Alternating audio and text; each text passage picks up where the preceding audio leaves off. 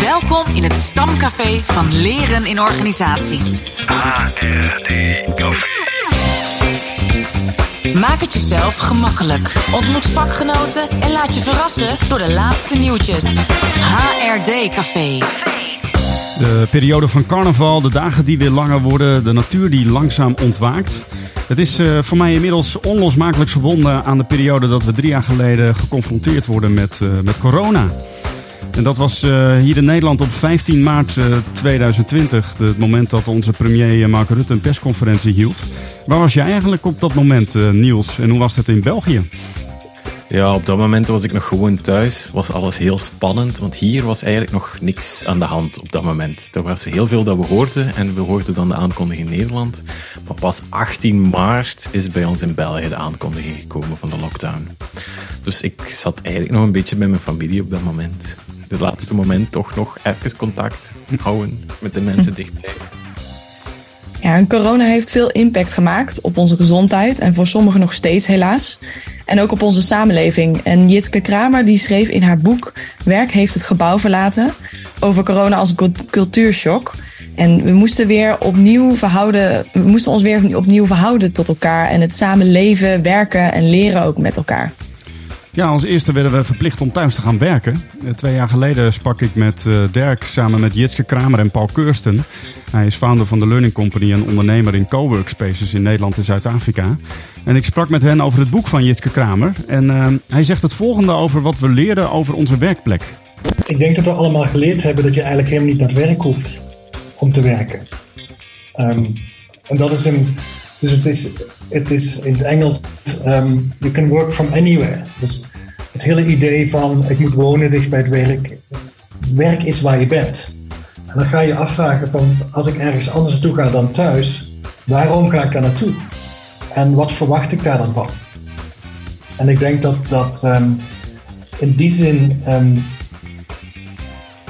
het, ontmoeten een hele belangrijke functie wordt waarom je voor werk en huis uit zou gaan. Je hoeft niet naar kantoor om ehm, geconcentreerd te zitten werken aan een stuk. Ehm, dat hoeft echt niet. Je kan zelfs nadenken dat je kan overleggen en dat er heel veel vormen zijn van online contact en, en samenwerkingsvormen. Ehm, maar er is die menselijke behoefte van contact. Ja, het mooie zin. Je hoeft niet meer naar het werk om te werken. En eh, dat sluimerde al een beetje natuurlijk. Maar dat heeft corona toch wel echt eh, losgemaakt. Eigenlijk bij al mijn opdrachtgevers, eh, die bevinden zich voornamelijk in overheidsziekenhuizen en ook commerciële bedrijven. Zie ik eigenlijk dat permanent op kantoor zijn eigenlijk helemaal verdwenen is. Er zijn eigenlijk ja, er zijn meerdere werkplekken eh, ontstaan thuis, eh, op kantoor, coworkspaces of een café waar je ook anderen ontmoet. En Niels, jij bracht gisteren een bezoek aan een heel bijzonder bedrijf dat leeroplossingen zoekt in nog een andere wereld. Namelijk de virtual reality. Hoe, eh, hoe was dat eigenlijk? Ja, dat was heel tof. Ik had eh, gisteren een gesprek samen met Everest, eh, medeoprichter van One Bonsai in België. En zij bieden VR en AR-oplossingen ehm, rond leren binnen organisaties. En het is eigenlijk fantastisch welke mogelijkheden dat die technologie tegenwoordig allemaal heeft. Denk niet dat alle bedrijven allemaal er even klaar voor zijn. Dat was gisteren het gesprek dat we hadden. Ehm, maar je ziet toch echt wel rond brandveiligheid, hard skills, dat ze echt al fantastische antwoorden hebben. En nu met de ontwikkeling van ChatGPT en anderen die eventueel ook driver kunnen zijn van online avatars, is men toch ook aan het verkennen wat dat men allemaal kan met soft skills trainingen en eh, daar ondersteuningen in bieden. Dus ik ben heel benieuwd wat die wereld nog allemaal voor ons kan eh, brengen. In het interview zegt Jitske Kramer ook het een en ander over leiding geven op afstand. En de andere die ik daar wel heel erg zie is eh, zeker nu het op afstand, maar ook nog digitaal is. Dus op, zeker in dit soort momenten waar we elkaar echt niet zien, ehm, door de lockdown, eh, wat in de toekomst heus wel weer soepeler wordt.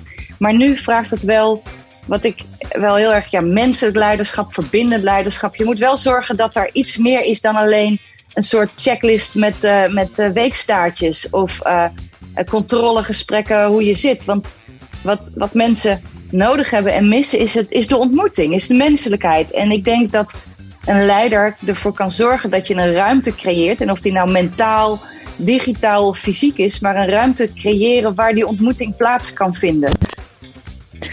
Ja, die ontmoetingsruimte. Um, ik denk dat, dat nog steeds eigenlijk heel erg belangrijk is. Misschien wel belangrijker dan ooit ook om met elkaar te verbinden. En corona heeft ons werk volgens mij ook wel efficiënter gemaakt. Uh, afspraak naar afspraak, weinig ruimte tussendoor. Maar daardoor is de ontmoetingsruimte er soms ook uit, uh, terwijl die zo belangrijk is. Dus voor de lol en gewoon om nieuwe ideeën en inspiratie op te doen. Ja, ik zie dat ook. Ik herinner me ook een, um, een, uh, een, een, leertraject wat ik had bij, uh, bij een organisatie, zeg maar net na de eerste lockdown. En uh, we werken dan vaak met casuïstiek, hè, van, van leidinggevende was dat. En die casuïstiek, die, het viel zo op, dat ging zo over, of het kwam zo voort, zou je kunnen zeggen, uit het gebrek aan ontmoeting. Dus, dus heel veel kwamen erop uit met elkaar van... Goh, zullen we gewoon maar weer eens even een kop koffie gaan drinken... om echt uh, weer even relationeel ons tot elkaar te verhouden. Gewoon persoonlijke aandacht. En uh, ik moet zeggen dat ik dat in deze tijd ook nog wel weer een spannende vind hoor. Want uh, op de plekken waar ik kom... Mensen zijn super druk. Je zegt het al inderdaad. Het werk is veel efficiënter geworden. er wordt ook veel gestaakt. Hè? Dus dat is ook in Nederland in ieder geval. Dus er is ook wel een soort beweging gaande volgens mij. Om ook wel weer meer ruimte voor, de professional en, en ook de leidinggevende te, te creëren op de werkplek. Dus uh, volgens mij zitten we er nog middenin om ermee te dealen. Met uh, dat we soms afspraken hebben zonder reistijd. Dat we even elkaar niet zien bij de koffie. Dus uh, nou ja, voor ons als HRD is denk ik ook een, een belangrijke notie. En volgens mij ook een opgave om daar vorm aan te geven. Ja, zeker en vast. En we hebben nog een mooi fragment van Paul, die tenslotte ook nog iets mooi over corona en ons denken over lege, leren eigenlijk ook wat in de war gooit. En het, het andere schok die, die het, is dat um, um, je helemaal geen overtuiging hoeft te veranderen om gedrag te veranderen. Het feit dat gedrag eerst kan gaan, en wat zoals Jitske het ook beschrijft, de belangrijke veranderingen gaan eerst doordat er iets gebeurt in de praktijk en daarna ga je de betekenis aangeven. Terwijl we heel vaak andersom proberen te doen als we veranderingen inzetten. Dan proberen iedereen heel goed uit te leggen wat er gaat gebeuren. Maar die snappen het niet, want die zitten in een ander denkkader. Dus een soort, um, wat er mogelijk is als je eigenlijk met elkaar gedrag, ander gedrag aanneemt. En hoe je dan fundamentele veranderingen heel snel in gang kan zetten. Ja, als Paul dat zegt, zie ik dan zo de logische denkniveaus vormen van, uh, van, van Beetsen en Deelt. En inderdaad, door corona werden we eigenlijk gedwongen om gewoon anders te doen, anders te handelen. Ons gedrag werd anders en daarmee veranderde eigenlijk, zou je kunnen zeggen, ook wel onze opvattingen. Of als ik in ieder geval persoonlijk naar mezelf kijk, over werken en leren. Bijvoorbeeld het idee dat je altijd voor iedere afspraak uh, in de auto moet stappen, dat is echt verdwenen. Uh, heel veel kan gewoon natuurlijk gewoon ook op afstand. Uh, Josianne, jij werkt met een aantal collega's aan een nieuwe versie van het ontwerpboek. Een boek waarin allerlei cases van ontwerppraktijken, van leertrajecten worden gedeeld. Zie jij op dit punt ook een verschuiving in hoe we leertrajecten vormgeven? Ja, ja wat, wat denk ik, wat blijft is dat, dat de werkpraktijk het, ont, het vertrekpunt is voor het ontwerpen van een leertraject. Uh, en de werkpraktijk is natuurlijk in de afgelopen jaren flink veranderd. Dus we hebben ook tijdens corona, waar we het eerder al over hadden, als je het hebt over efficiëntie, we zijn ook gaan kijken naar andere vormen van leren. En die zijn we gaan uitproberen op afstand. Uh, van elkaar. Um, dus ik denk dat daar wel een verschuiving in zit. En ik heb dus het idee dat er veel nieuwe leervormen ook bij zijn gekomen. Zoals bijvoorbeeld uh, hoe je een podcast in kan zetten om verbinding te creëren tussen uh, verschillende mensen in een organisatie of in een leertraject. En dat is bijvoorbeeld ook een, een van de hoofdstukken in het nieuwe ontwerpboek. Die gaat daar ook over. Over hoe zet je zo'n podcast dan in als leerinterventie. En verbind je het zowel uh, kan je zowel op afstand als als je elkaar weer ziet dat gebruiken als leervorm. Of bijvoorbeeld hoe ontwerp je uh, online met elkaar een, leer, uh, een leerervaring en hoe zet je die dan vervolgens ook live in. Dus ik denk dat we heel erg op zoek zijn gegaan naar blended, ja, blended leren. En in het boek komt in ieder geval een hele grote variatie aan dit soort creatieve leervormen tevoorschijn. En dat gaat over zowel online als live leren. Nou Niels, en, en mijn, jouw verhaal over gisteren blijft dan toch wel een beetje hangen bij mij over virtual reality. Want ja, dat is misschien nog wel een nieuwe omgeving die er aan toegevoegd wordt. Uh, heb jij nou het idee dat virtual reality echt een gamechanger gaat zijn binnen ons vakgebied, binnen de HRD? Ik denk niet per se dat het een, enorme gamechanger gaat zijn, maar ik denk wel dat het een heel mooie en sterke aanvulling gaat zijn op ons vakgebied. Dus, zoals Anne eigenlijk verteld, heel het stuk van blended leren dat zo belangrijk wordt. En ik denk dat VR daar echt gewoon een plaats in gaat krijgen. er gaan bepaalde ervaringen die je echt gewoon kunt meemaken, voelen terwijl je erin zit. Men doet het nu al met angsttrainingen, uh, trainingen van mensen die voor publiek moeten spreken, die dan echt gewoon in een zaal gezet worden. Je hebt geen fysieke zaal nodig, maar mensen hebben wel het gevoel dat ze in een zaal staan voor mensen. En die omgevingen maken dat je toch op een veilige manier eigenlijk toch bepaalde ervaringen kunt opdoen en jezelf kunt oefenen voor wanneer het dan werkelijk daar is. En we weten uit de praktijk, goed oefenen en veel dingen doen en meemaken maakt dat je angsten overwint, dat je sterker wordt en beter wordt. Dus ik zie daar echt een ongelooflijk potentieel nog wel. Um, dat gewoon aanvullend is. Maar elke vorm heeft zijn manier van inzetten. En ik denk dat dat gewoon in de toekomst heel belangrijk gaat zijn om goed te blijven nadenken van waar zetten we welke tool in, wanneer, om welk verschil te maken in een leerproces. En de doelstelling in het leerproces, dat gaat onze leidraad blijven over hoe dat we gaan designen. Voor het complete interview met Jitske Kramer en Paul Keursten beluister je de Off the Grid podcast. En dat is dan nummer 20. En die is te vinden op Apple Podcast, Spotify of uh, je kunt ook een kijkje nemen op www.grid.nl. En dat is G-R-Y-T-T en een E. Dus grid.nl. HRD Café Trending topics. Trending Topics Wat zijn de laatste nieuwtjes? Elk jaar organiseert Take Step onder de titel Fris laagdrempelige, praktische en inspirerende ontmoetingen voor mensen uit het onderwijs. Heel leuk, ik was er zelf twee jaar geleden ook bij, erg inspirerend. En deze keer is het thema mentale gezondheid op school. Het vindt plaats op 16 maart in Utrecht. En als je aanwezig bent, dan hoor je onder andere bijdragen van Luc de Wulf, Els Pronk, Gerdra Hoekstra, Mounir Ga Chadli, mooie naam, Geertje Haverkamp, Saskia Tjepkema en Eefje Theeuwissen. Er is een social lab, een, een filmprimeur en veel ruimte voor informele ontmoeting. dus als je weer zin hebt in die ontmoetingen, ga daar dan ook vooral naartoe. En schrijf je in via www.tekenstep.nl. We feliciteren Gerrit Driessen ook graag. Hij en zijn collega's van A New Spring wonnen met een project rondom adaptief leren een bronzen award bij de Learning and Performance Institute. In de categorie Learning Impact. Van harte gefeliciteerd Ger en blij dat je de lage landen ook weer op de internationale HRD-kaart zet. Hey, kennen jullie eigenlijk het boek Ik ben oké, jij bent oké?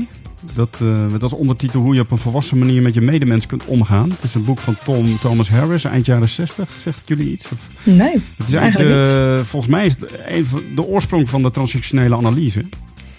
En uh, het is een titel die vaak voorbij komt ook in dat soort sessies. Ik ben oké, okay, jij bent oké. Okay. En uh, tegenwoordig zou dat uh, ook zomaar de titel kunnen zijn van een kookboek.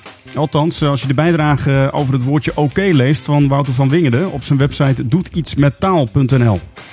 Ik ben oké. Uh, zo kun je tegenwoordig ook uh, antwoorden op de vraag of je bijvoorbeeld nog iets wil eten of drinken. En uh, dat heeft dan als trekking, nee dank je, ik, ik, heb, ik ben goed, ik hoef niet. al dus Wouter op zijn website. wat hem betreft is de netste manier om oké te schrijven overigens met drie letters. Oké en dan met een streepje op de E. Uh, de afkomst van het woord is overigens uh, te herleiden tot hoofdletters O en K. En dat is eigenlijk best een leuk verhaal met een bijrol voor een Amerikaanse president van Nederlandse afkomst. En dat hele verhaal lees je dus op, die anekdote lees je dus op doetietsmettaal.nl. Het woord oké kan overigens ook goed in orde of akkoord betekenen. Dus jij bent oké, ik ben oké. Dat zou dus een, een kookboek kunnen zijn of een boek over psychologie, maar misschien ook een boek over onderhandelen. Jij bent akkoord en uh, ik ben akkoord. Kennis in ontwikkeling. HRD Café. Ja, Josianne, aan jou uh, deze keer de eer om een nummer te trekken uit uh, de Grabbelton. Yes. Ben je er klaar voor? Ik zit er klaar voor. De Grabbelton ook.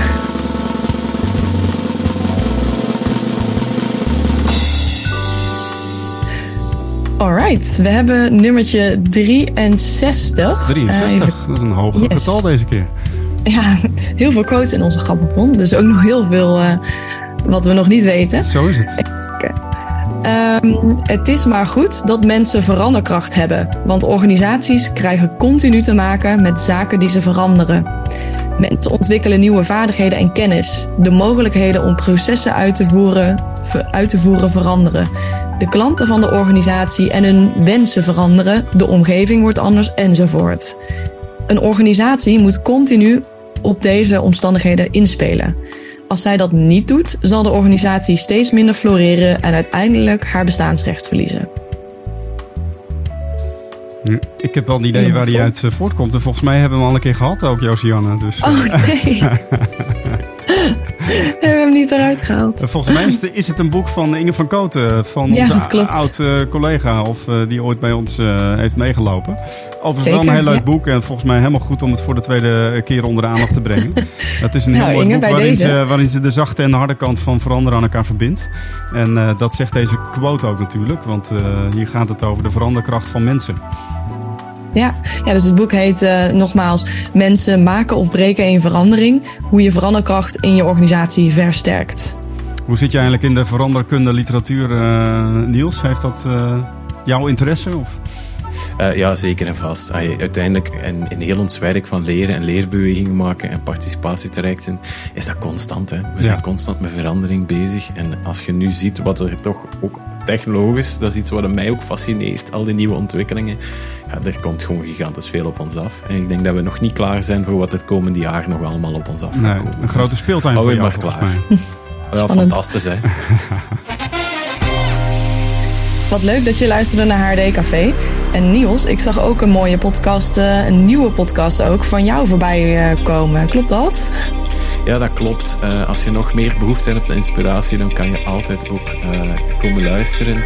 Deze keer gaat het over omgekeerd faciliteren. Ik mocht met Laura van den Oude in gesprek gaan. Ehm, dus ben je heel benieuwd naar het verhaal en wat omgekeerd faciliteren betekent, luister even mee en je kan het terugvinden op Spotify, Apple Podcast of Google Podcast. Over twee weken zijn wij er weer, want wij nemen een weekje voorjaarsvakantie. En oh ja, eh, reacties kun je natuurlijk eh, achterlaten via reactie.hrdcafé.nl, dus gewoon via de mail. En je kunt ons volgen via Instagram, @hrdcafé podcast. Ik denk dat wat belangrijk is, is dat je kijkt welke behoefte valt nu. Dus je wordt eigenlijk teruggeworpen. Wat vinden we echt belangrijk? We vinden dat type contact belangrijk. En hoe gaan we dat nu inrichten? En die inrichtingsvraagstukken, ja, dat is in ruimte Ja. eh, op, op allerlei manieren. Deze podcast Deze podcast. werd geproduceerd door Kessels en Smit Kessels en Smit. Broadcasting.